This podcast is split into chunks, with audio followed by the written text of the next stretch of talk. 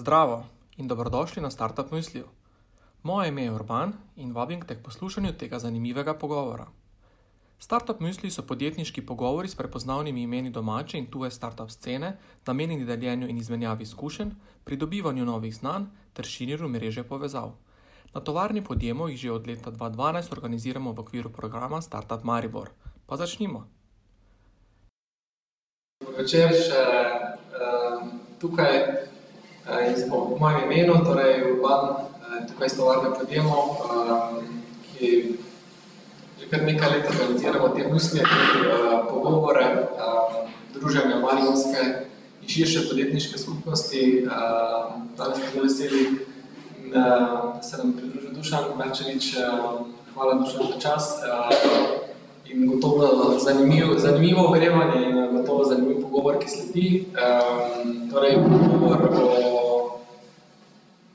o, o duševnovi zgodbi, ki se je v bistvu začela, ne, ko sem ne, v bistvu prvič izvedel, v bistvu v resnici na Majdiju, pa potem Zemanta, pa Timišev, pa v bistvu zdaj Index, um, je kar, kar edinstvena in um, občudovanja vredna in ogromno, predvsem ogromno zanimivih lekcij, ki jih lahko z tega dobimo.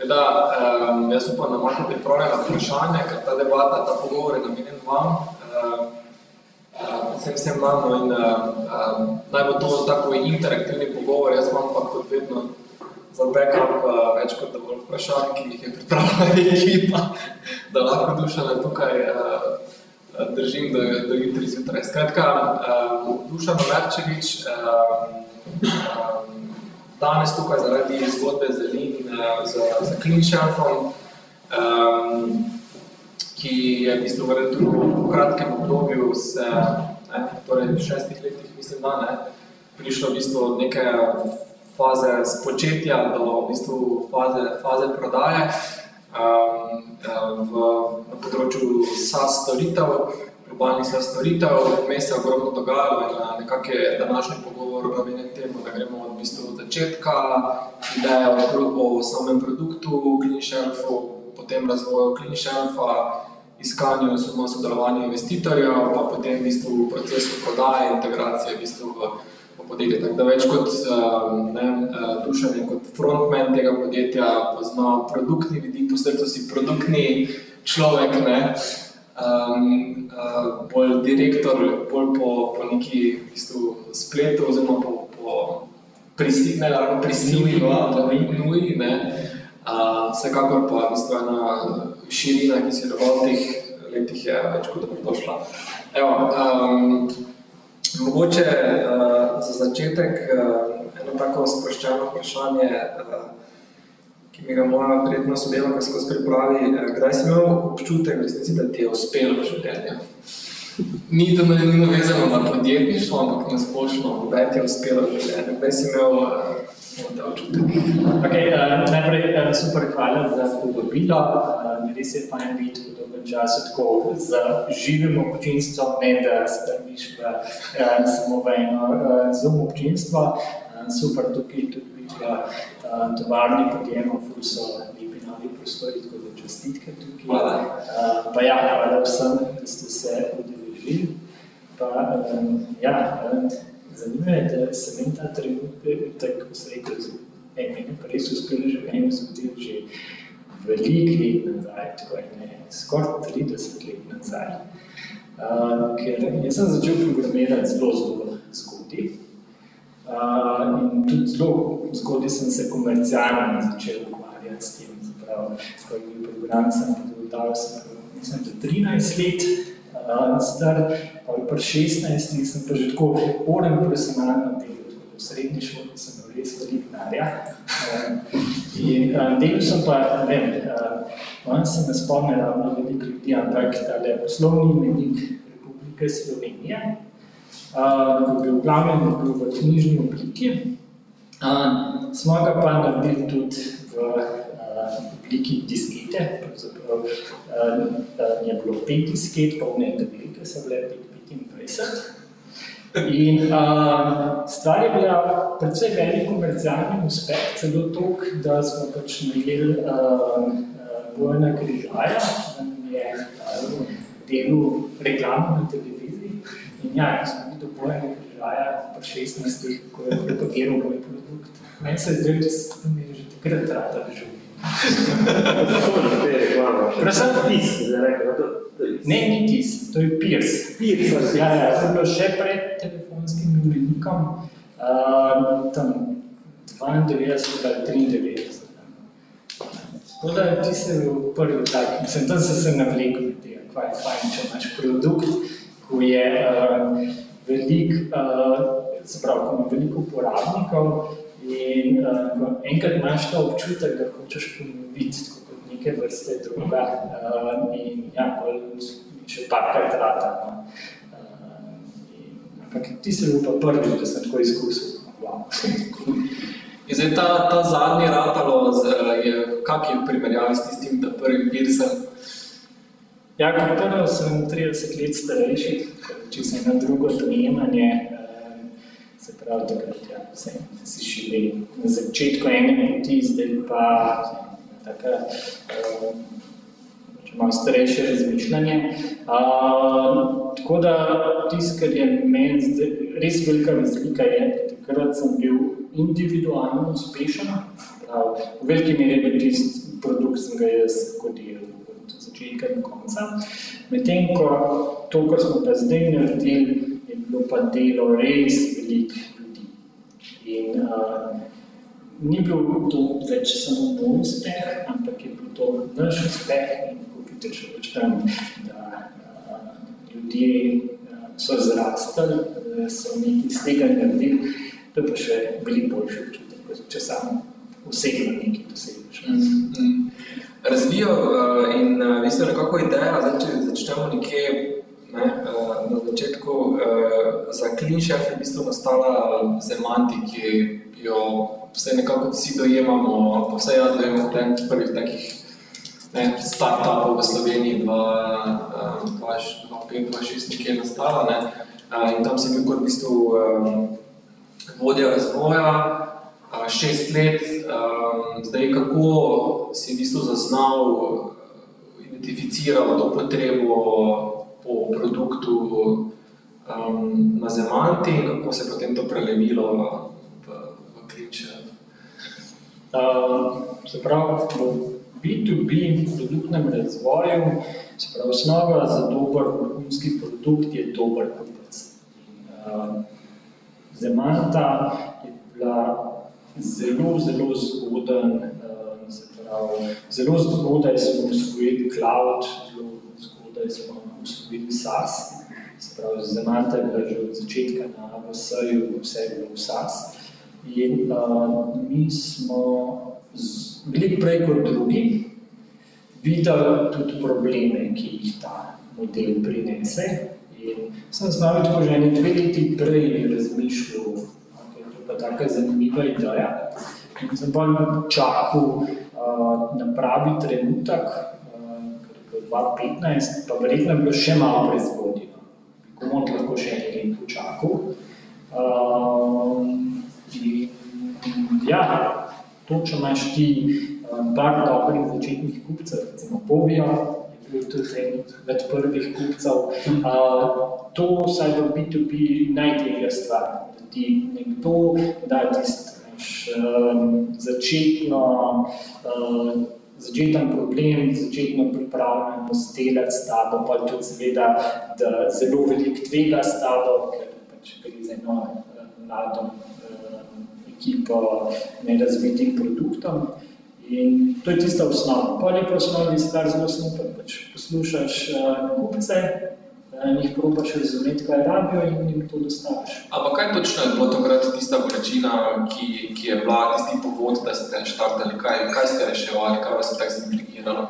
Uh, Excel tabela s 50 vrsticami, kjer so bili posamezni SaaS vendori in kjer smo spremljali določene pač ključne uh, stvari glede teh naročnin uh, in nekako tudi uh, uh, ta bolečina, da osnovi za vsako izmed teh uh, storitev, če si hotel početi, kaj se z njo dogaja, se mogel je tvoj dashboard, kar je pomenilo, da smo mogli najti uh, sprav, uh, credential se, noter si se mogel logirati, pa si mogel ugotoviti, kje točno so njih podatki, ki te zanimajo, skratka, stvari trajajo 10-15 minut, uh, krat 50, krat vsak mesec in to je bil tista osnovna bolečina, ki smo se spravili rešiti.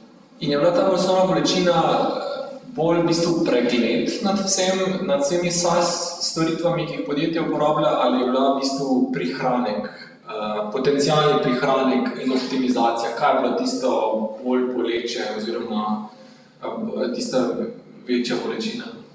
Uh, meni je vedno privlačila ta avtomatizacija, prav, ni bil to samo poslovni izziv, je bil zelo tudi tehničen, da se da to uh, narediti, izvesti, lahko greš pa avtomatsko agregiraš te podatke.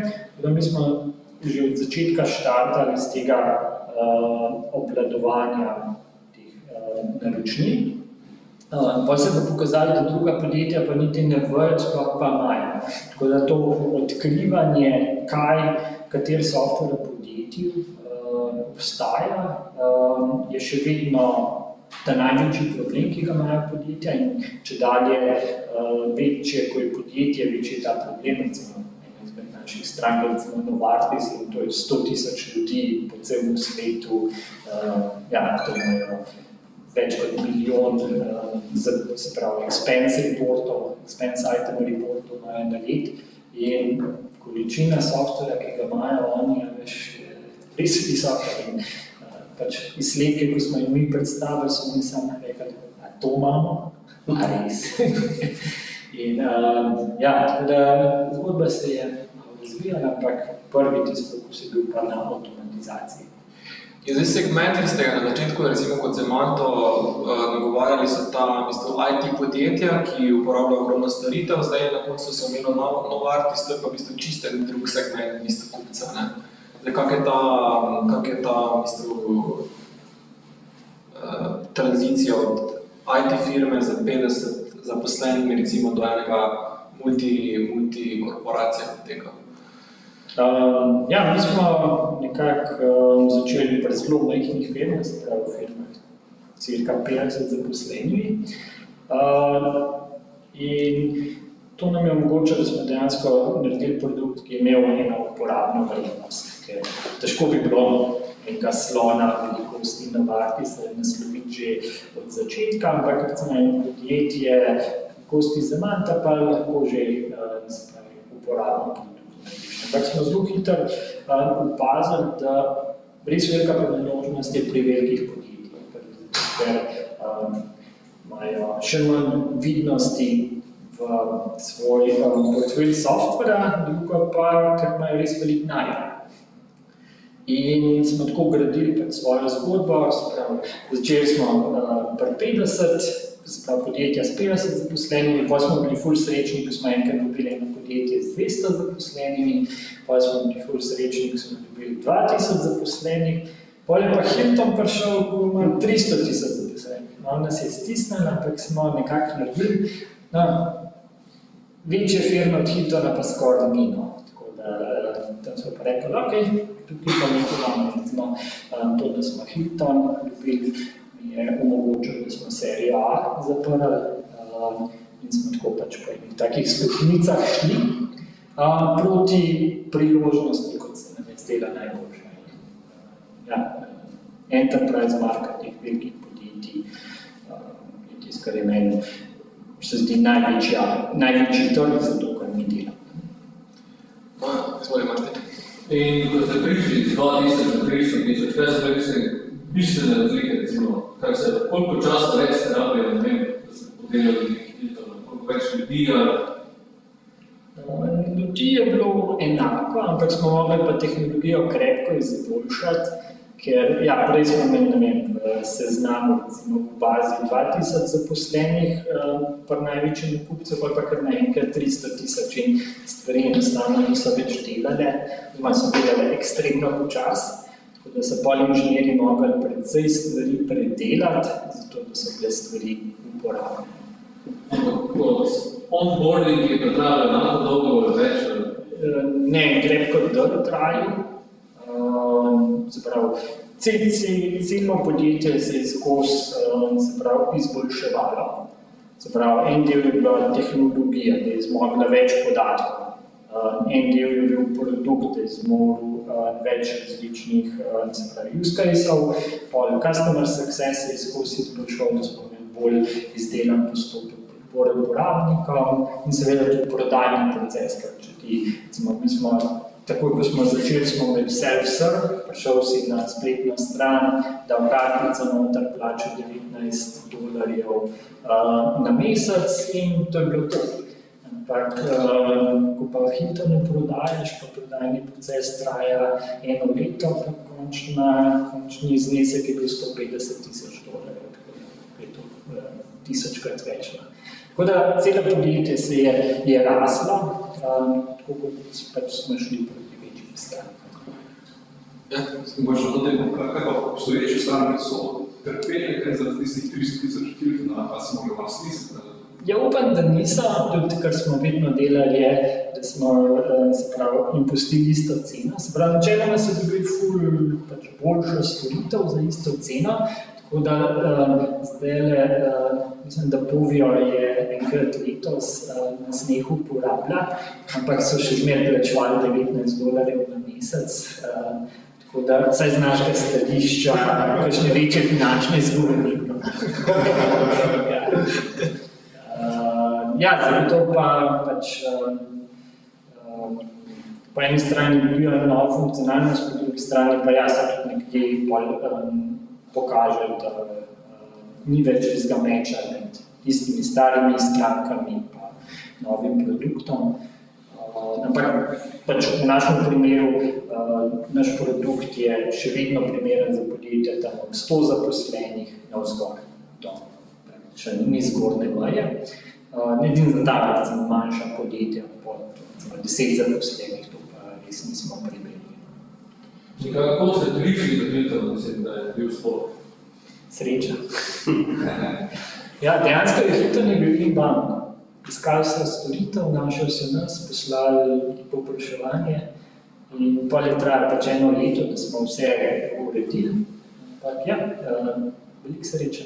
To pomeni, da še vedno nekaj nimate konkurence? Ne, zdaj je kar veliko konkurence. To smo da zelo konkurence vprašati, ja ko si bližnji ideja, koliko časa ste posvetili raziskavi tega, kako bi bilo podobnih produktov? Uh, ja, jaz sem uh, kar veliko raziskoval, uh, ker me je zelo skrbel, ker ni nobene konkurence. Jaz sem uh, nekako uh, začel na tem delati polet uh, 2015 in pa tam, mislim, da je bilo konec septembra ali pa začetek oktobra 2015, končno zvedel za enega konkurenta. Zanimivo je, da sem konkurentu rekel Klinčer in sem bil izjemno srečen, da je konkurenca, sprav, da saj še nekdo drug vidi problem, da ni tako, da bi jaz kakšne halucinacije. Tako da tiste prve konkurence sem bil zelo vesel, Um, ja, pet, šest let kasneje pa si že videl konkurence. Ga vidi, da je nas po svetu iskanja, ni bilo to kaj malo, si res pojmo vrsto, vrsto pa...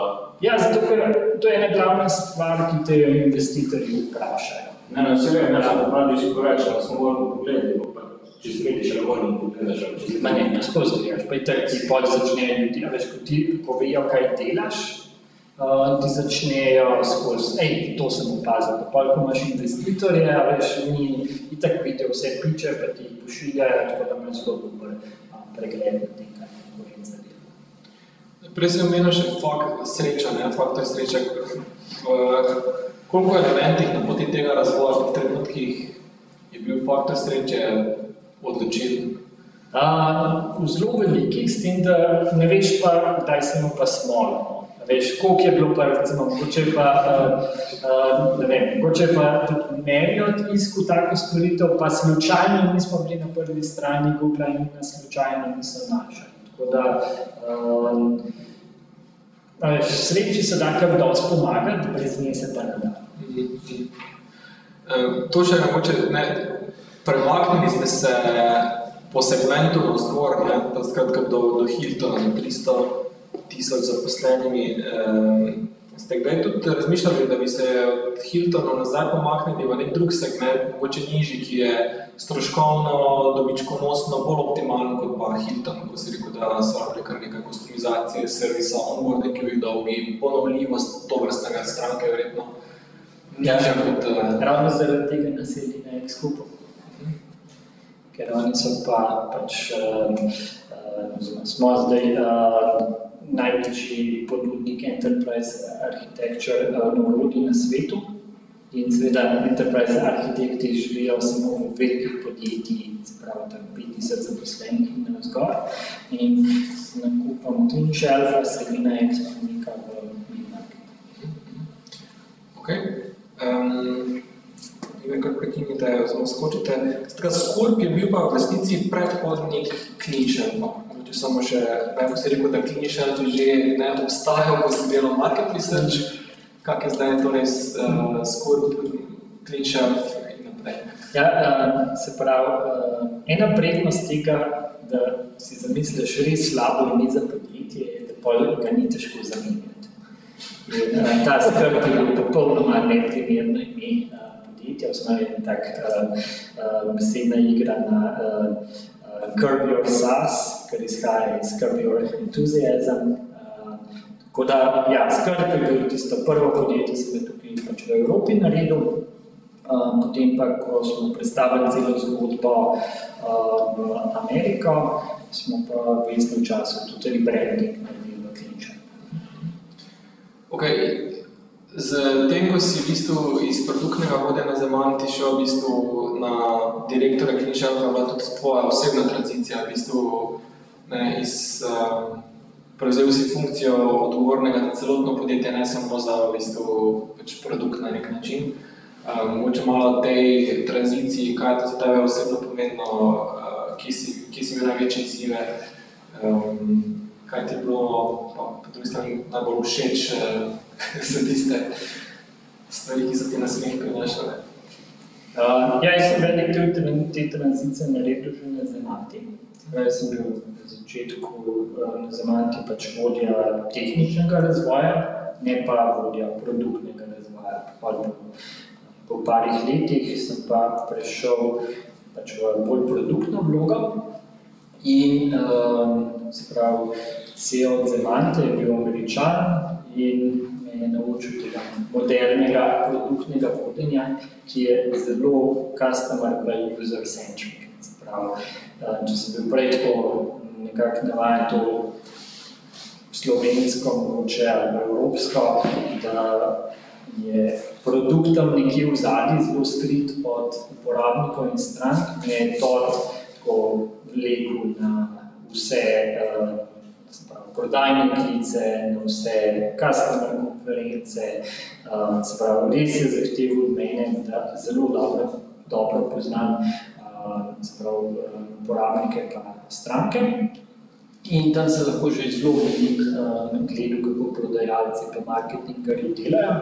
Tako da nisem bil pač v driving seatu, kar se tiče sales pa marketinga, sem bil pa tako nekak passenger seat. No, in ko sem pač uh, začel na svoje, ta naslednji korak, da sem pač iz sopotnikovega sedeža šel na vozniški sedež, kar se tiče prodaje pa marketinga. Um, in to je bilo zelo zanimiva, zelo boleča izkušnja, ampak nujno potrebna, če smo hoteli uspeti. Mogoče ta zanimiva je primerjava, ne, ta ameriški način um, uporabnika, kupca usmerjen način razvoja, primerjav s tem evropskim, bolj verjetno introvertiranim inženjerskim pristopom. Um, so tu kakšne zanimive lekcije, ki bi jih, ali pa na sveti, ki bi jih delil, kaj spremeniti, kaj, kaj, katera sprememba, ki si ti dojel v tem ameriškem sistemu, je največ neke dodane vrednosti prinesla um, in še pač naprej uporabljaš in bi jo svetoval drugim. Uh, ja, mi smo imeli tako neverjetno srečo, da leta 2012 dobili Marti Krigana, tri dni v Ljubljano, pa nas je tri dni nas je malo gledal, pa je rekel, fanti, vi nimate pojma, tako le morate delati. Pač nas je izobrazil, kako se dela moderni produkt skupni razvoj, kako se to dela v Silicijevi dolini, pač smo dobili njegovo knjigo in njegovo skripto. In Uh, to je bil pač tisti preskok, ki smo ga naredili. In, um, se pravi, tisti, ki um, je shift, je, da prej smo v glavnem gledali samo tehnološke rizike. Um, se pravi, a smo to sposobni um, uh, skodirati. V resnici je ta mogoče še najmanjši ponavad, uh, odvisno od domene, ampak um, ponavadi veliko večja, uh, ne, večji riziki so usability, se pravi, če boš tiskal pošto programiral, uporabniki sploh sposobni um, uporabljati. Uh, potem um, zelo velik je tudi biznis risk, sprav, ti narediš super produkt, si ga dobro uporabljaš, ampak lahko iz tega denar delaš. Tisto, kar je pa najtežji risk za nasloviti, ponavadi je pa customer risk, se pravi, a bojo stranke um, videle vrednost v tem, kar si naredil.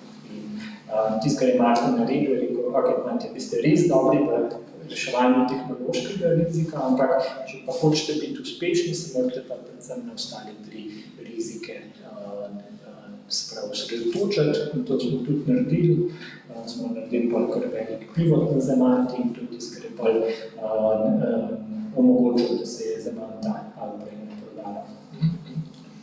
Ok, zdaj, če se um, v bistvu premaknemo zdaj na ta clean shelf, clean shelf uh, je skratka bilo potem samostojno podjetje, um, štartali ste na globalni trg, kakšni so bili pa potem tukaj neki koraki, ključni meniki, po katerih se shelf prelikal?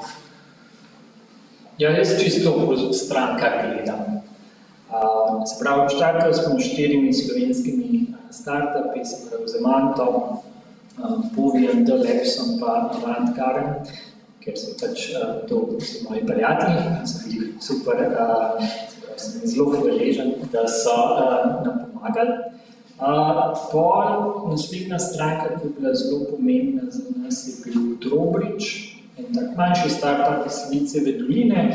Jaz sem unga CFO-ja čisto na hladni klic uh, in dobil sem ga, ko je bil ravno na prehodu iz OneLogin, uh, se pravi, um, in tudi, startup in je imel ravno veliko časa in je pač slučajno odgovoril na moj klic. In sem bil simpatičen in smo se pogovarjali, tam na OneLogin se nismo zmenili, ampak drug break smo pa dobili kot stranko. Uh, tako da lahko smo par stvari pokazali. Potem pa uh, smo čisto slučajno dobili dolar Shave Club za stranko, čisto ko so nas poiskali po spletu uh, in so postali stranka. Zdaj dolar Club je pa zelo močen brand um, v Ameriki, ga vsi poznajo, se pravi, to so te britvice za enkratno uporabo, uh, v svoji naročnina, se pravi, vsak mesec dobiš 3-4 tazga, uh, imajo pa zelo močen marketing in je zelo močen brand. In tisto, kar je meni omogočilo, pač si runda zapreti, je to, da sem uh, ej, tole še klapi naša stranka, tole še klapi naša stranka, tole še. In pač smo dobili več si runda. Uh, Potem se je pa še po drugi strani zgodilo, ampak pač, tako kot sem omenil, že prej smo Hilton dobili za stranko in ko sem jo jaz res v serijo A, vse, kar se govori, Hilton, Hilton, Hilton, Hilton, Hilton. Ja. In tako smo zaprli. Tako da zame je bil v veliki meri no, stranke. Tako. Stranke sem si zapomnil na tej poti. In ti ključni meniki so bili, zdaj, če te poslušam, v bistvu so stranke načeloma diktirale razvoj, v bistvu vključamo kot podjetje, zdaj z vidika vizija gotovo, ne, pridobljenega pač financiranja, kaj pa je zadika produkta, organizacije tudi, kakor so vse dimenzije firme diktirale stranke, ki ste jih pridobil.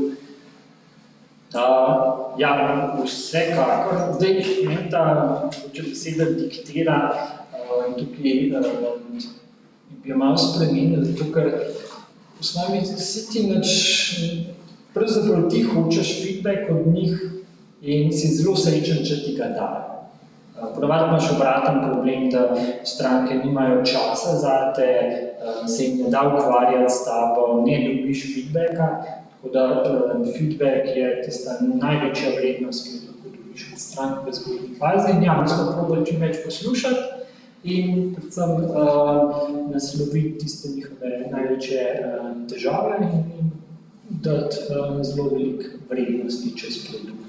Tako da vsako tako stranko smo uporabili, zato da smo produkt spravili na naslednji. Kdo so bili pa tako persone kot sogovorniki v podjetjih, kateri profil um, v strukturi podjetja odločevalec je bil vaš sogovornik um, kot odločevalec, pa tudi potem za feedback kot uporabnik, kdo so vse tiste persone, ki ste jih mogli izložiti? Ja, na začetku, uh, pa tudi če zdaj, uh, naša zgodba zelo rezonira s finančnimi direktorji, ker jih skrbijo stroški in recimo, če povem samo primer Lina Exa, spravo, mi, mi smo 400 nas je, imamo se pravi, 2 milijona letnih stroškov za SAS, se pravi 5000 uh, dolarjev na zaposlenka SAS stroškov. Skratka, to je tretji največji uh, strošek. Ravno to zdaj gledamo, ker delamo plan za naslednje leto. Se pravi, ljudje so največji strošek, marketing je drugi največji strošek, tretji je pa že SAS.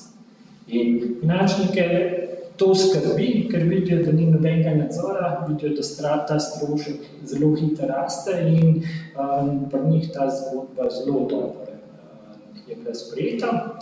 Um, potem pa pri večjih podjetjih, pa to če dalje bolj gre proti uh, CIO, ki je tudi uh, zadovoljen za finančni aspekt, ne samo za to, da, uh, da mreža dela, da so računalniki uh, na najnovejših industrijah.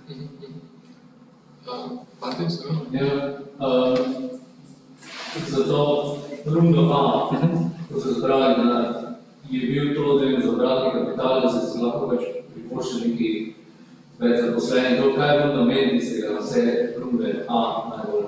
Ja, je bilo povečati uh, produktno ekipo, smo povečali uh, inženirsko ekipo iz uh, 6 na 20, uh, drugo je bilo pa uh, vložiti v marketing, pa uh, izbildati bolj predictable uh, generacijski funnel se upravičujem za vse angliške tudi, ker pa res nisem navajen teh izrazov v slovenščini.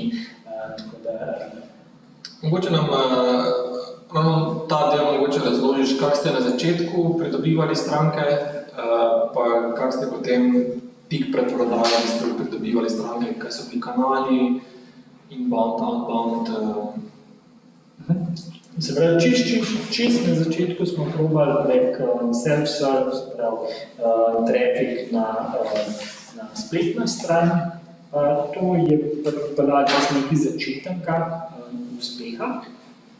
Pol, ko smo dobili vsi investicijo, smo s tem tudi dobili um, dokaj dobro omrežje v Silicijevi dolini in smo tam dobili kar nekaj dobrih hitrov, tako da sem začel jaz tam prodajati. Uh, ko smo par teh zgodnjih stran zaprli uh, in uh, zbrali uh, naslednjo rundo, smo pa zaposlili vodjo prodaje, ki je sabo pripeljal pač, uh, pristop prodaje, ki temelji na, uh, pravi, na SDR-ih, na tem, da kontaktira stranke prek telefona pa maila uh, in jih na ta način probaš dobiti v funnel. To so bili nekako koraki za generacijo. Zamenil si tudi, eh, da vas je Hilton v bistvu našel, ne? kar pomeni, da ste imeli tudi konec koncev ta SEO ali pa ta nek v bistvu del dobro urejen ali se to napačno interpretiral? Nekaj je bilo, ampak um, težko bi pa rekel nam, da smo bili res dobri v SEO. Nismo bili slabi, nismo bili Um, rekel si, da je prej, malo ko smo klepetali, v bistvu najeta pa najti marketingarja, dobrega marketingarja, da je velika količina, mogoče še to. Je to težje najti dobrega inženirja, programerja, uh, dobrega marketingarja? Uh, zdaj, uh, glede na to, da jaz izhajam inženirskih uh, vodnik, seveda tudi to tak pristranski pogled, pa pač po teh 30 letih uh, nekako spoznaš, kaj to je inženir, da dobiš občutek za to. Tako da, uh, ja, meni osebno je bilo zelo težko najti uh, marketingarja, uh, ampak mogoče nekdo, ki je pa bolj v tem foku, bi mu bilo pa ravno obratno. Tako da, ja, meni je bil to en največji izziv. Dušan inženir, dušan menedžer, um, razlika med enim in drugim, um, ne, po, ponuji prevzeti klobuk oziroma se narediti klobuk menedžerja. Um, veliko founderjev v bistvu je na začetku tehničnih, pa potem prevzame tudi poslovno plat biznisa, ker je to pač uh, edina pot. Ne. Um, kateri skilci so ti najbolj potrebni, kaj ti je najbolj manjkalo, uh, kje si mogoče iskal pomoč in na kak način si dobil pomoč tam, kjer ti je manjkalo. Ja, drugače, eh, se pravi, menedžerske vode sem že na najdil eh, prešel, ima še prej, eh, že prej vodil ekipe, da s samim tem menedžeriranjem inženirjev sem imel zelo veliko izkušenj že prej. Ampak izkaže se, da recimo menedžeriranje prodajalcev je popolnoma druga stvar uh, kot uh, vodenje inženirjev, tako da najboljše je, kar reči, da imel malo prodajalci so popolnoma druga in jaz še zmeraj ne znam na Jaz jih ne razumem, oni me ne razumejo. Če nimam vmes vodje prodaje, ne funkcionira. Uh, Tist, kar je pa še bolj pomembno, je pa predvsem pač to, da, um, da sem prodajo zelo usvojil.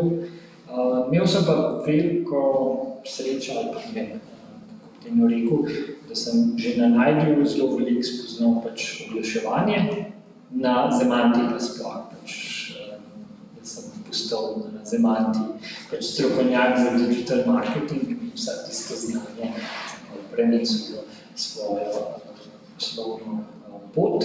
Um, tako da ja, to, da sem se v prodajo raztegnil, je bila največja taka stvar, ki se mi je zgodila na tej poslovni poti. Prav to dodano vrednost za podjetje, v smislu, da je produkt podjetja zrastel s tem, ko si se pač ti mogel bolj na teren ta prodajni del usmeriti, ali um, kaj bi rekel? Um, mogoče tudi, no, ampak um, bolj kot produkt je podjetje um, tega um, zato ker um, prodaja kupcem ali pa prodaja misijem skoraj ista stvar pač um, tisto, kar gledajo, da si, si ti dober. In če nisi, pozabi. če smo zdaj pri visih, uh, mislim, da so bile tri, torej začetna manjša semenska runda, pa potem sit, pa A, pa potem isto akvizicija. Mogoče nas čez to malo peleš, kak, kak, so, kak je, kako je potekalo to financiranje, pa v kakih fazah se v bistvu nekako zgodilo. Ja, mi smo začeli čez eno angelsko rundo tukaj Sloveniji. Takrat sem bil sam, tako da težko moram v eni govoriti. Ti si mislim, da je 50 ali 60 ljudi tukaj zbral. Ravno to, da sem tisti, res sem bil sam, tako da, da sem naredil ti začeten produkt, pa tiste eno perspektivo. Uh, že bila stranka od zadnjega še ne? Ja, tukaj so bile te prve štiri. Aha, kolega dale. Ja, tako je. Prišlo jih je še par, no. Uh, se pravi, ko sem uh, nekako uh, začel sit rundo, um, govoriti smo imeli 3000 dolarjev letnega prometa. Meni se je zdelo to kar veliko. Uh, ne, ne, ne, bilo je 30 tisoč letnega, 3 tisoč mesečnega. Ja, Kako so ljudi sit blizu? Uh, Sit smo imeli v dveh rundah 600, 600 pa je bilo pa še milijona, vse skupaj. Uh, ja, uh, zbravo, to je bila angelska runda, 60 jurjev, pol pa sit je bil pa 600 jurjev, uh, to ne je bilo pa mogoče, da smo dejansko eno ekipo sestavili tam do 10 ljudi. Uh, serija A je bila pa 8, uh, tu smo pa pol šli na 40 ljudi, kar je tudi velikost podjetja, akvizicij. Kaj je, ste bili kdaj profitabilni v roku tega časa? Ali? Mogoče kakšen mesec. Ne, po mojem, da nikoli nismo bili. Mogoče en mesec, tako da bi se spomnil, da smo. Kaj se je veliko razvoj vlagali, v marketingu, pa Ja, mislim, raz- vseeno. Je Predvsej veliko kapitala rabiš. Predstavlja. Če, če bi analiziral strukturo stroškov, teh 40 je bil ne, verjetno ljudje, ne največji, ne, verjetno strošek. Ne. Ja, ljudje, mi, eh, pravi, mi šele v seriji A smo več vlagali v oglaševanje, pa ta marketing budget, um, prej so bili pa izključno ljudje, pa pol tudi, se pravi, eh, teh osmih milijonov je šlo milijon pa pol v marketing budget, vse ostalo pa smo ljudi. Pa tebe kot, bistvo, kot CEO, kdaj skrbela ta profitabilnost, pa da boš, pa ti je bil to sploh cilj, da dosežeš profitabilnost, ali to sploh ni pač ime igre, je samo v bistvu nova runda, nova runda, pa potem akvizicija, pa. Ja, jaz bi bil zelo uh, rad profitabilen, ker to pomeni, da imaš uh, vsoto v svojih rokah. Uh, tisti, ki uh, ne marajo profitabilnosti, so VC, ker če si ti profitabilen, ti ne rabiš denarja, če ne rabiš denarja, oni ne dobijo delež. Tako da, če bi se dal, bi šel jaz proti, takoj pro- proti profitabilnosti, pa zelo počasno rast. Problem, ki ga imaš, je, da tam obstaja konkurenca. In v našem primeru, pravi, mi smo zbrali 8 milijonov, dva naša konkurenta sta pa zbrala 80 milijonov vsak. In če jim hočeš slediti, pač moraš tudi ti zelo hitro laufati. Tako da ne da bi se mi želeli a, se pravi, hitre rasti, pa toliko ulaganja, da bi se to? Uh, prej ste omenjali, da je bilo težko zbrati marketing, ampak kaj pa z druge strani pritegniti, pravi, da so bili pripravljeni in računalničarji in marketingerji sploh se zaposliti v nekem startupu, ki nima profitabilnosti, ki je bil to problem, oziroma kako ste jih pravzaprav našli, ali kako so oni vas našli. Um, Ja, mislim, da profitabilnost ni eh, tako zelo pomembna, ker ljudi zanima, koliko imaš na računu, pa koliko imaš pač run rate, tisto, kar vsi hočejo videti, tako da vsaj na 18 mesecev. Uh, to je pomembno. Profitabilnost niti ni to, če imaš ti na vem, 100 milijonov na računu, pa milijon, uh, se pravi, si milijon uh, evrov na mesec, uh, se pravi, izgube, noben, si- nobenega to ne bo skrbel. Uh, Tisto, kar jih pa zelo skrbi, je pa, a jaz vlagam svoj talent v pravo zgodbo. Velik del motivacije so seveda opcije, ta delničarski disciplin, tako da tukaj spet eh, rast. Uh, ni pomembna samo za visije, ampak skoraj enako tudi za vse zaposlene. Uh, ponavadi ljudje, ki se pridružijo startupu, se pridružijo zato, ker so ambiciozni, ker hočejo rast skupaj s podjetjem. In če ne rasteš, podjetje ne raste, ljudje ne rastejo in to je takrat, ko pomeni gre. Uh, okay. Kje je več izzivov pri zaposlovanju zdaj ali pet let nazaj? Kaj se tiče nekega produkt menedžera, če pravi, no? A zdaj če to pet let nazaj? Kot prvo, zdaj to ni več moj problem. ja, zdaj imamo Ilona, ki je v Mihnu in je neverjetno, in ona to išče. Jaz samo dobim kandidata tako v zadnji fazi. Uh, in, ja, uh, malo drugačna situacija. Um, ne, zdaj, pač zelo odvisno no, od faze um, podjetja. Um, Meni je bilo kar težko tukaj dobiti uh, vodjo razvoja, ko smo bili še v sit fazi. Uh, se pravi, zelo malo je bilo razlogov, zakaj bi en uspešen vodja razvoja prišel k nam, uh, tako da to je bilo težko dobiti. Pol, ko smo pa serijo A um, dobili, smo pa zahvaljujoč Mateju že dobili najboljšega vodja razvoja v Sloveniji. Tako da ti se bilo fajn. Um, ja, tako da ne vem, če je tukaj kakšen recept. no. Vsi ti ključni ljudje so lahko ti zelo, zelo pospešijo ali pa zgubiš. Ne, mislim, sam sem bil kontrapoziciji zdaj, ne, ko bi se nekam pridružil, če na to mi je vodilo. Kaj bi imel vpliv v podjetju in nikoli ne vem, kje ti sta meja, ga nimaš več, ne. Zdaj me zanima, kje je ista človeka, ko imaš 100 ljudi, ki res kot imaš 20. Po mojem, Jaz sem drugačen firme. Se pravi, mi pa tudi zdaj, eh, par ljudi nas je zdaj zapustili ravno zaradi tega, ker so taki early startup ljudi. No, in bi raje bili v firmi z deset zaposlenimi, to nas je pa zdaj 400, je pa zelo drugačna firma. Ja.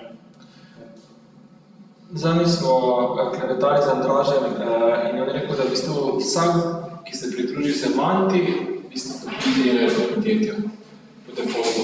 Uh, je tudi pri vas bila to vrstna praksa uh, in na kak način je to praktično potekalo, spet to ta, ta tipični neki vesting, mogoče, če lahko kako podrobnost, kakšna je struktura tega vestinga.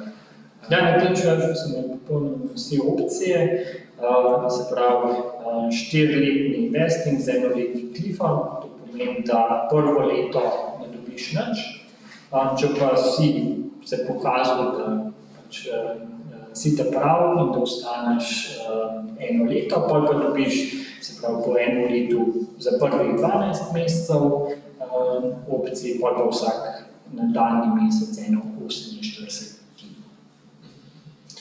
In to je, kaj pa sam v bistvu delež, torej, ki ga dobiš, pač, ki ga lahko maksimalno vestaš, kak so to v bistvu glede na, glede na pozicijo, koliko, na, koliko bi največji delež, ki si ga lahko pač pri, pridobil v, v podjetju. Ja, procenti so imajo tako res veliko težavo, da jih je še samo 100. In ne glede, karkoli narediš, jih je vedno 100. To ljudje težko razumejo, pa tudi zelo težko razložiti. In uh, ja, pač 100% je. In investitorji rabijo procent, founderji rabijo procent, pol, uh, pač, uh, kaj, so, kaj ne bi dobili ljudje po posameznih rolah. Tako da tukaj so se uh, v teh tehnoloških startupih izoblikovali eni standardi, uh, najboljši princip, oziroma še zmeraj najboljši je od Freda Wilsona en blog post, se pravi, koliko ne bi dobili posameznih rolah. Um, tisti je, uh, se pravi, približen recept in to je to. Tako da so eni standardi uh, In ste si tudi vi držali. In, okay. Zdaj pa mogoče tiste prve zgodne ekipe, kliče pa koliko eh, članov je v bistvu eh, stalo, stalo ali pa z vami stalo do tega akvizicije. Je bila fluktuacija velika, zakaj, če je bila fluktuacija velika, zakaj so ljudje zapuščali, uh, zakaj so novi predvsem prihajali, kaj, kak ta fluktuacija v takem dinamičnem startupu. Uh, se pravi, Matjaž Grosek je bil prvi inženir, um, zdaj je po akviziciji na zapustu in razlog je čisto, da uh, Matjaž pred early, se pravi zgodne startupe in uh, itak uh, pač, uh, mu gre dobro v življenju. Uh, tako da on se enostavno ni več uh, videl v tem 400 članskem startupu, ker so bili bolj definirani procesi, pa bolj tako oska vloga. Tako da njega bom zihar pogrešal, ampak da se je narava podjetja spremenila. Uh, tretji zaposleni je Lukaš Prvojevec, Customer Success je še zmeraj z nami, četrti, peti, jaz prvi ameriški prodajalec je še zmeraj z nami. Uh, en se je pet, peti, ko je bil, da smo se pa razšli, ker nekako ni bilo uh, to. Tako da, ja, nekaj je, ampak uh, se pravi, v šestih letih se že v, v normalnem podjetju velik uh, zgodi, v podjetju, ki se pa popolnoma spremeni, uh, je pa tega zagotovo več.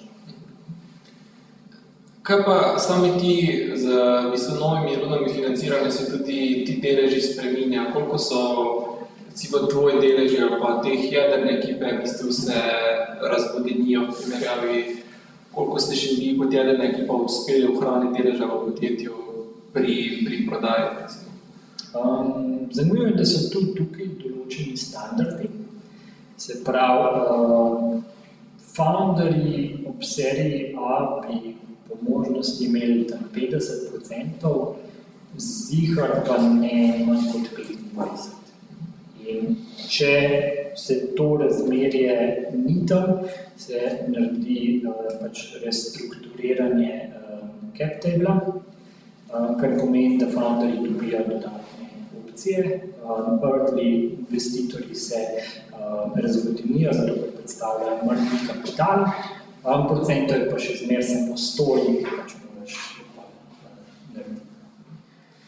In vi ste mogli izvesti to prestrukturiranje, ali ste bili ste v to isto produndo prišli za to neko idealno strukturo med 25 in 50? Nekaj restrukturiranja je bilo, pravi, jaz sem na začetku pač tem investitorjem pred serijo A um, dal um, mogoče malo več, oziroma sem moral dati malo več, kot um, bi bilo vizijam všeč, po drugi strani sem bil praktičen sam founder, pa je bilo to manj delo razdeljen, tako da bilo je potrebno malo telovadbe, naprej smo pa to konstruktivno kdo, pa so bili, uh, kdo pa so bili ti visi, uh, ki ste začeli si v Sloveniji, potem Evropa, pa potem Amerika? Uh, Na to pa še zmeraj ne vem, ali sem imel srečo, ali mogoče vse tiste govorice o zlobnih vizijih ne držijo, ker vsi moji viziji so bili res jih imam rad, tako da jih zelo pogrešam, ko jih ne vidim več vsak mesec. Uh, se pravi, uh, začel sem čist s Friends and Family, se pravi, Darko Putin je bil prvi investitor, uh, takoj zatem pa Silicon Gardens, ki izhaja iz Lante, tako da ti sem bil Friends and Family. Potem sem imel srečo, da sem navezal stik z enimi ameriškimi investitorji, se imenuje Founder Partners, pa torej Ted West je bil tudi na podiumu gost, pa Brian Flynn. Da oni so nas dali na naslednjo stopnjo, pol uh, Launch Hub uh, so bili naši naslednji investitorji, uh, oni so neverjetno dobro, to je najboljših misijev v Evropi. Tako da tam stan Sirakov, na Bordu, pol, se pravi, sem zdaj tudi LP na Launch Hubu. Um, um, zadnji, v zadnji rundi je pa prišla še uh, Mina iz Dom Capital, ki je tudi neverjetno fajn. Sam, um, ona je pa zdaj, um, se pravi, tudi investitorka v Lina Exu, tako da ona je pa še zraven. Uh, izvoli. A ste imeli v katerem od teh stežov, ko ste um, pičali visijem za investicijo, um, kakšne težave, ali je vse steži relativno hitro ratalo dobiti investicijo? Uh, vsak drug stage je bil težak. Se pravi, prvi je bil lahek, zato ker so bili friends and family, naslednji je bil se orang na matru, smo imeli kar veliko uh, uh, sreče, da smo dobili. Uh, tretja runda je že bolj dokaj gladko, ker smo imeli zelo fajn za pokazati.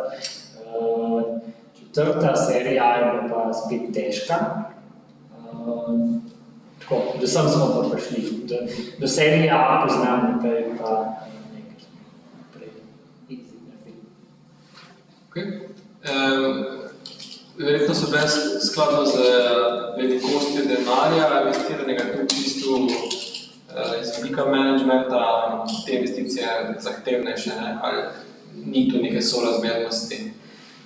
Um, se pravi, poročanje je bolj zahtevno, ampak um, ko smo dobili serijo A, sem tudi dobil eno fantastično finančnico, ki je vse poročanje naredila za me uh, je res neverjetna. Uh, tako da, uh, ja, to znanje pride tudi rešiti. Nismo znali problemi. Zdaj, če se eh, malo premaknem bistvu v ta ta zadnji del, skratka ta lean, lean X zgodbo, zdaj, uh, kot že rečeno, je, bi, je bila akvizicija od nekoga plan A za tebe od začetka, si imel Linux v bistvu na nek način že nekje na steni, v malih možganih, kjerkoli že naslikane, ali se to znova, uh, kot večkrat v tvoji zgodbi, nek, nek sklet okoliščin, uh, sreče, uh, kakorkoli. Ja, pa v tem primeru je bila skoraj nesreča. Uh, se pravi, uh, dva, mislim, da je bilo 2019, smo imeli dva trnošita na uh, mizi, uh, zelo dober dan, ampak en dan preden bi enega izmed njih zbrala, pisala, da sta oba dva propadla in pač je splavila priložnost po vodi. Pa čez kakšen let smo ugotovili, da sta oba dva prevzemnika dobila uh, sama prevzemno pobudo na dan in smo imeli ravno smolo, da se zvezde niso poklopile. Tako da, ja, včasih imaš tudi smolo. Ampak uh, Exu je bilo pa zanimivo, so se zvezde zelo lepo poklopile. Uh, jaz pa nisem vedel, da na Exu obstaja do decembra uh, 2020, uh, ja, devet mesecev nazaj. Da sem pa slučajno delal en research, uh, se pravi za to Enterprise Architecture uh, rola, ki se izdela, da je tudi zanimiva za to, kar mi delamo in sem prvič spoznal za ta uh, Linux. Pol pa ne vem, kako so se zvezde uh, poklopile, da mi 14 dni kasneje reče Mina, hej, uh, smo tega uh, founderja od Linuxa, ko ga zanima tvoja zgodba, bi se bila srečala. Smo se začeli pogovarjati in pa zelo hitro ugotovili, da smo za skupaj, pa zelo hitro smo pa tudi zgodbo pripeljali do konca. Tako da je bilo uh, zelo, zelo, zelo hitro vse skupaj.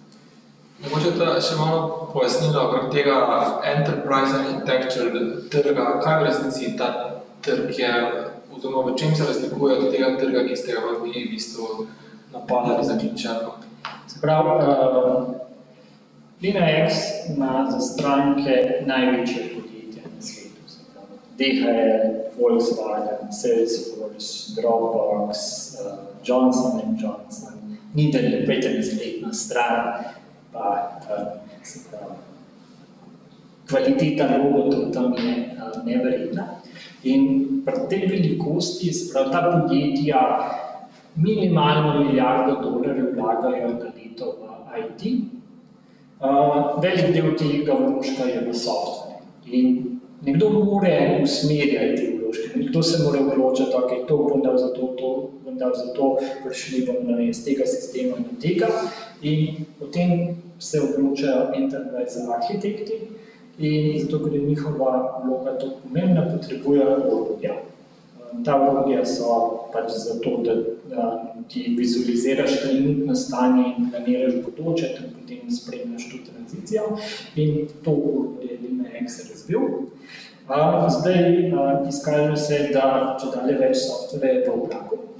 Skratka, enterprise arhitekti so če dalje bolj povezani tudi s SaaS-om in tukaj je tam, kjer je bila stična točka. In zdaj, uh, sam ta MC, torej Mina kot neke vrste želitna posrednica in potem vajen prvi zmenek, uh, kaj pa potem ta naprej, devet mesecev, skratka vse skupaj se uh, devet mesecev prvega zmenka do v bistvu danes, ne?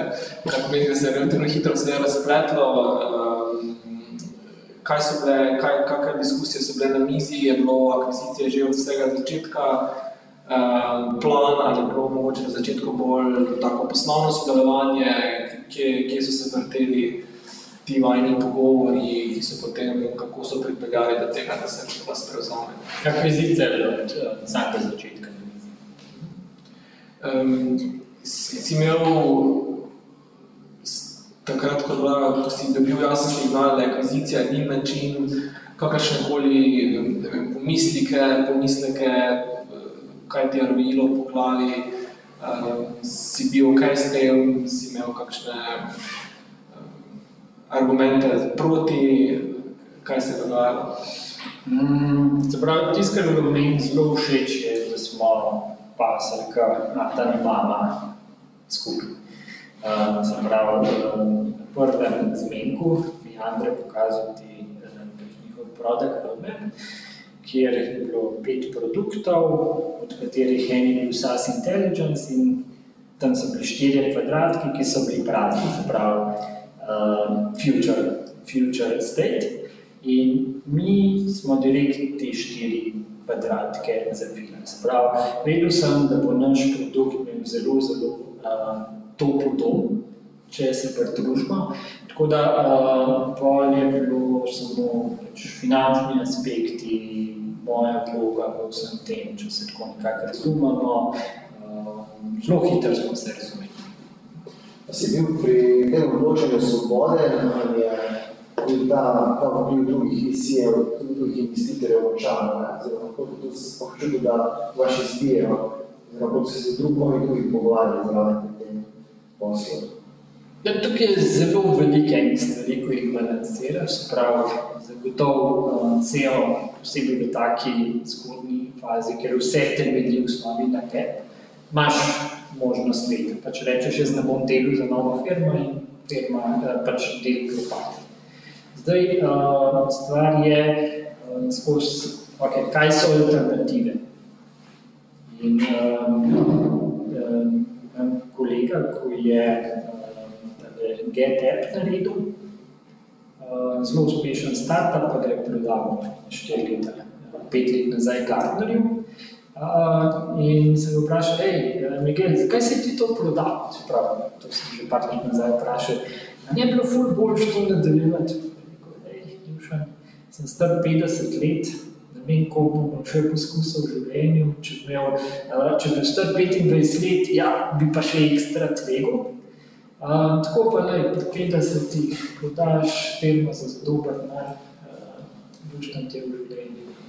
Tako da, uh, recimo, tudi v mojem primeru, um, se pravi, ogromno tvegaš, če ne greš naprej. Uh, ocenili smo vsi skupaj, da bi bilo tveganje preveliko, predvsem zaradi tega, ker se, se pravi, naš trg je se izkazal preveč perspektivnega.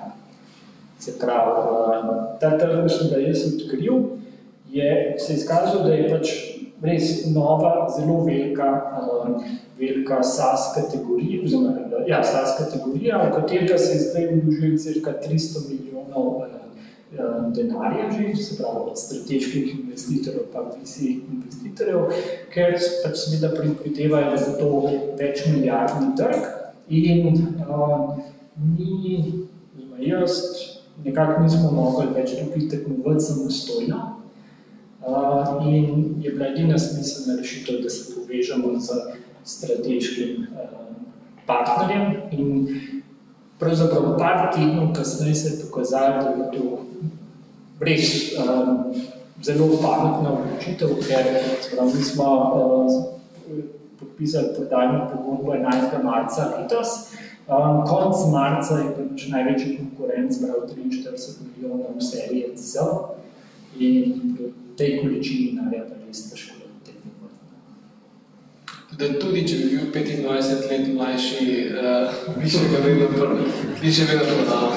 Ja, tudi pa ocenjuje skozi, da je smiselno pač s to idejo nadaljevati, veš, pa uh, razvijati, ali je smiselno recimo prodati, pa začeti nekaj nove. Tako da, ja, in, uh, če niste še prebrali, uh, nujno preberite knjigo uh, The Hard Thing About Hard Things, uh, to ste pa vedeli, kako se celo počuti.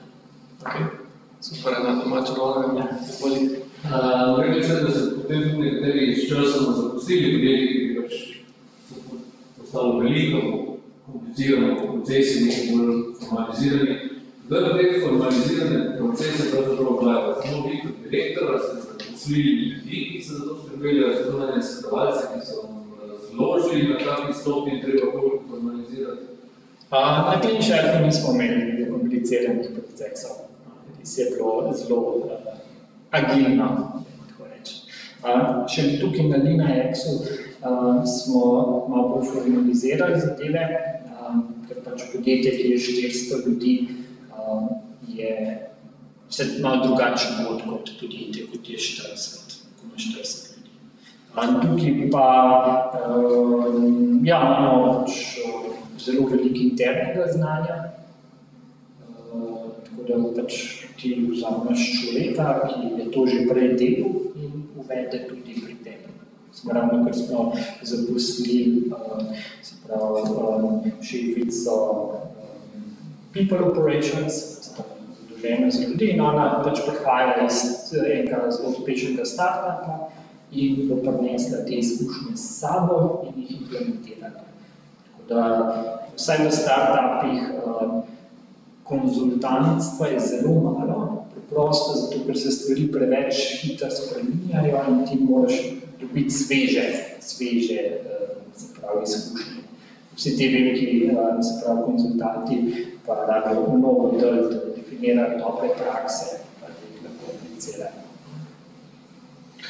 Okay, eh, zdaj, prodaja, oziroma eh, kaj pomeni tehnično iz vidika torej produkta, iz vidika ljudi, eh, ta prevzem, torej, kje je zdaj ta produkt, ki je prej živel kot kliničar, kje so ljudje, ki so prej bili ustvarjali kliničar, oziroma kje ste, kako zdaj to poteka, ta fuzija. Ja, uh, mi smo bili res zelo toplo sprejeti na Linux-u. Uh, Zdaj sem bil prejšnji teden na Sasterju v San Franciscu. Uh, Saster je največji seja uh, na svetu za SaaS podjetja. Uh, se pravi, lani ga ni bilo zaradi korone, uh, predlani je bilo pa dve, se pravi, je bil pa 10 tisoč ljudi, skratka res velik sejem, tudi letos je bilo 5 tisoč ljudi, tako da je bil skoraj na isti velikosti. Ampak ja, um, mi si um, na zadnjem sasterju nismo mogli preučiti niti štata. Zdaj smo bili pa diamantni spomni, smo bili eden največjih pač putov, imeli smo 20 ljudi na štantu. Um, to mislim, da zelo lepo pove. Pa na tem sejmu smo, se pravi, SAS management produkt predstavljali, mi smo ostali dveh produktov predstavljali, ampak ta moj produkt, ki jaz naredil, tako da to vam da malo vtis, se pravi, kakšno, um, kakšno, kakšno popolnoma drugo skalo imamo zdaj, se pravi, um, sedem mesecev nazaj, se pravi, ko sem jaz kakšen nov feature um, predstavljal interno, smo tam 12 do 13 ljudi na klicu, zdaj imamo 160, ker imamo pač to prodajalcev pa customer success ljudi. Um, naš, se pravi, software zdaj le preizkuša Adidas, uh, Atlassian, uh, skratka, take firme, ki bi jih drugače zelo težko dostopali, se pravi, tisto, kar je, se vprašal, zakaj, kaj me je zelo uprli, ker na Exu je še nedolgo te, jaz vidim kupce za, za moj produkt in uh, to je tisto, kar je res bajno.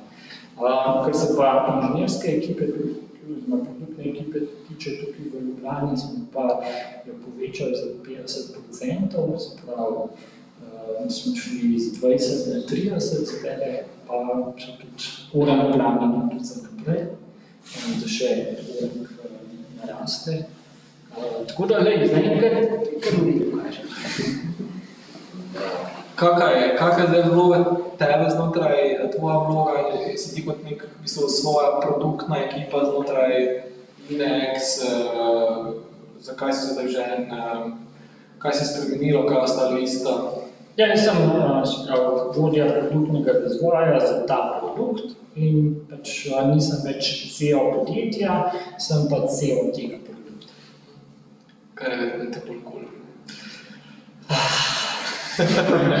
ja, hvala za odgovor. Nasmeh povem zdaj. Uh, zadnje, zadnje minute nekako se premikamo v zaključku, tako da uh, dajte si še uh, izkoristiti to priliko za kako, kako vprašanje. Um, uh, mogoče zdaj torej duša nova vloga, um, tudi uh, z izkupičkom od prodaje, um, jahta, hiša, otok, uh, investicije v start-upe, kaj od tega Uh, ja, en izkušen človek mi je rekel, da obstaja tri vrste jezike. Uh, en, ko si kupiš novo avto, te drugo, ko si kupiš uh, novo hišo, te tretji, ko si kupiš novo ženo. In uh, avta nimam, uh, ženo sem zelo zadovoljen, tako da upam, da bo se na hiša. Okay. Eh, kaj pa ta tvoja strast do v bistvu start-upov, do novih produktov, investirati v, kot posameznik, če sploh investiraš, um, kako se tukaj potešiš to strast po razvijanju nekih, nekih novih uh, doživljanj te svoje founderske vloge? Uh, jaz sem, se pravi, seveda zelo podpiram start, eh, se pravi, founderje, ki so še na tej poti, ki sem jo že prehodil. Uh, tako da sem investitor v uh, Silicon Gardens, tukaj v Sloveniji, ki ga zelo toplo priporočam. Investitor sem v Launch Hub, se pravi, očitno sem bil zelo zadovoljen s svojimi vizijami. Uh, tako da sem z največjim veseljem pač reinvestiral v njih. Pa upam, da bom jutri še tudi uh, visi iz tega področja, da bom tudi postal investitor. Tako da, uh, ja, kar nekaj tega denarja bo šlo nazaj v startupe, ampak ne zaradi kakšnih altruističnih negibov, ampak zato, ker mislim, da to trenutno najboljša investicija in uh, v tem našem področju še zmeraj. Uh, veliko founderjev, ki nimajo pravega dostopa do kapitala in to bi želeli spremeniti. Torej, kot, torej kot um, deležnik ali investitor v sklad, ne pa sam kot posameznik, uh, zakaj ta odločitev? Uh, se pravi, vložek v startup je tako kot med kocke. Se pravi, uh, mogoče je edina razlika to, da ni uh, zadetek ena od šest, ampak ena od deset ali še manj. In se pravi, uh, nisem gambler. Uh, in imam rad pač, uh, statistiko, imam gotovost. In če bi vlagal sam, bi hotel vložiti naj, najmanj v 15, rajš pa v 25 podjetij. Uh, ampak če imaš pa toliko vložkov, si pa praktično že mini visi in to ni, kar bi jaz hotel delati v življenju. Zato sem rajš rekel, tukaj so super dobri ljudje, um, radi dela, in jaz raje samo investitor, uh, imam pa seveda potem bi to možnost, da sprav, če srečam kakšne dobre founderje, če mi se bi malo spoznati, pa tudi um, pomagam kot sprav, svetovalc, pa kot referenca tem fondom, tako da nisem čisto samo pasiven investitor, ampak tudi konkretno. Jaz bi še mogoče vprašal samo uh, glede ekipe. Uh, kaj je bil, kdaj je tisti dan, ko si pač prišel do ekipe, ko si rekel, mi bomo postali pač del večje firme uh, in na kak način si menedžer vse te rumali se, vse te zadeve, kaj se pač dogaja, ne vem, ker pač kak je šlo ta flow?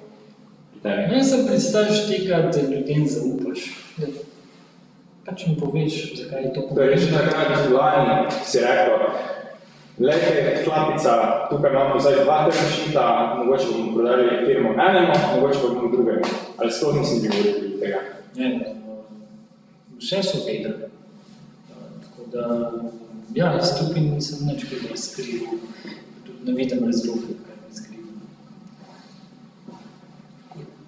Ja, samo je bilo ful zanimivo vsem tukaj. Um, za tiste, ko so v fazi, ste v fazi razvoja produkta, pa iščete kapital, pa boste potencialno iskali kapitalne prihodnosti, mogoče še uh, malo o Silicon Gardens, Salončka, v kakšne podjetje, v kakšni fazi se podpira, da bo pa dovedli, kdaj te podsukati uh, za rokav za kako priporočilo. Ja, uh, Silicon Gardens, uh, tretji fond, uh, je šest milijonski. Uh, 25 investicij se bo približno naredil, začeten tiket je pa 50 tisoč, lahko gre tam na 200-300, maksimalno pol milijona na firmo.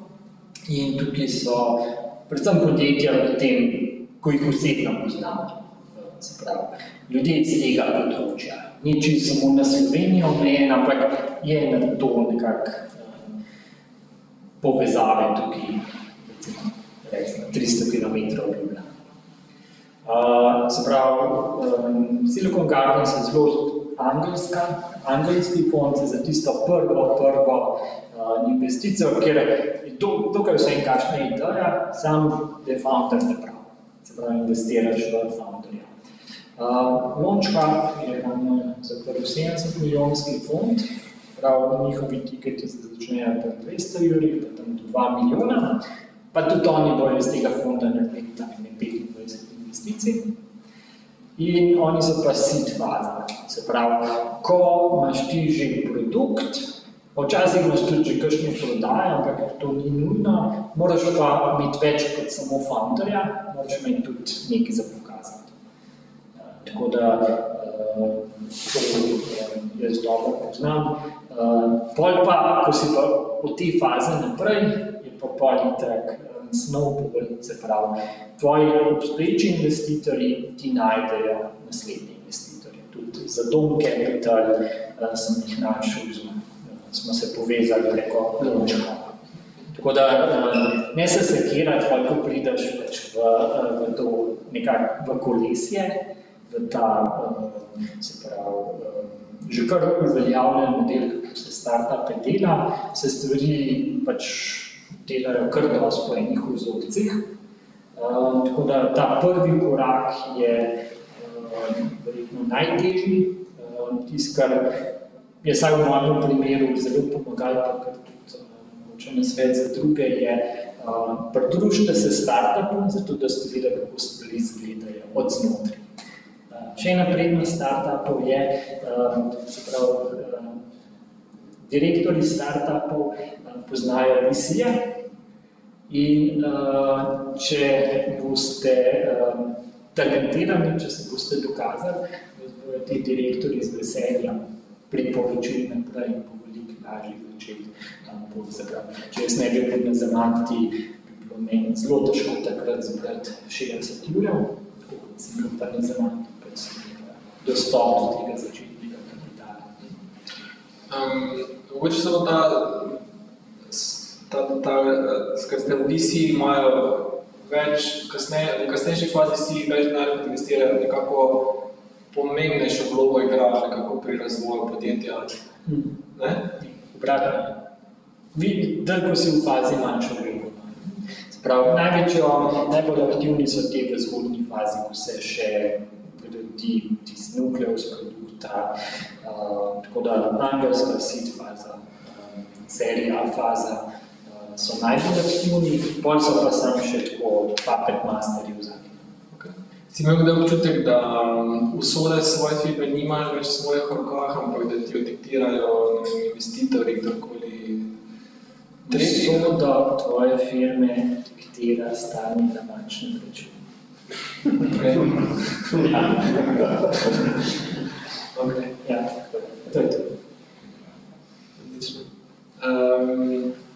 jaz sem uh, časno me potekel, um, tako da imaš še nekako zadnje vprašanje, da izkoristi možnost klepeta.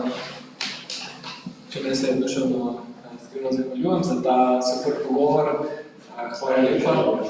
Uh, kot to rečem. Zakaj je nekako posilo odgovor, da je na svet, ali se to zazeden na najboljše?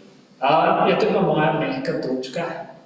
Uh, res je dober jem. Uh, tako da na to ne vedno dobite. Uh, tako da, uh, ja, uh, predlagam, da se vsi povežemo prek LinkedIna. Uh, bomo probali najti kakšen termino uh, z veselja, tako da uh, na kosilo uh, tukaj je mehka točka. Kakšna posebna kuhinja, uh, je posebej, ki je še posebej mehka? Ne, ne, sem zelo, zelo uh, raznolik. Uh, ne vem, kako je v Mariboru, ampak uh, organizacij. Tukaj te zadnje mali bode sem bil v Maku, tako da za Maka slišim, da je zelo dober, pa verjetno jih je še kar nekaj. Tako da veliko, veliko stvari je še za raziskati. Kje vi na Exi, ali v Minku sedeš? V Bungu, znamo. To je isto, če boš potuješ kaj tja, ali Kodrano, čez, čez Karavanke. ja, čez Zabijo. Okay. Dobro, hvala lepa, Dušan, veliko uspeha še naprej. Eh, Hvala, da ste naš gost, upam, da se če vidimo, kakšne priložnosti tukaj. Podim bo čez nekaj mesecev, tako da eh, več kot se bolj razlogo, da prideš, mak in podobni ne, ustvarjalci. Tako da hvala, Dušan, hvala vam. Ti je bilo všeč? Da ne boš zamudil novih epizod, klikni subscribe. Veseli pa bomo tudi tvoje ocene, komentarja in delitve, da za nas vedo še druge radovedne glave. Pobrskaj po naši bogati zbirki pogovorov, gotovo se v njej skriva še kaj zate. Se slišimo?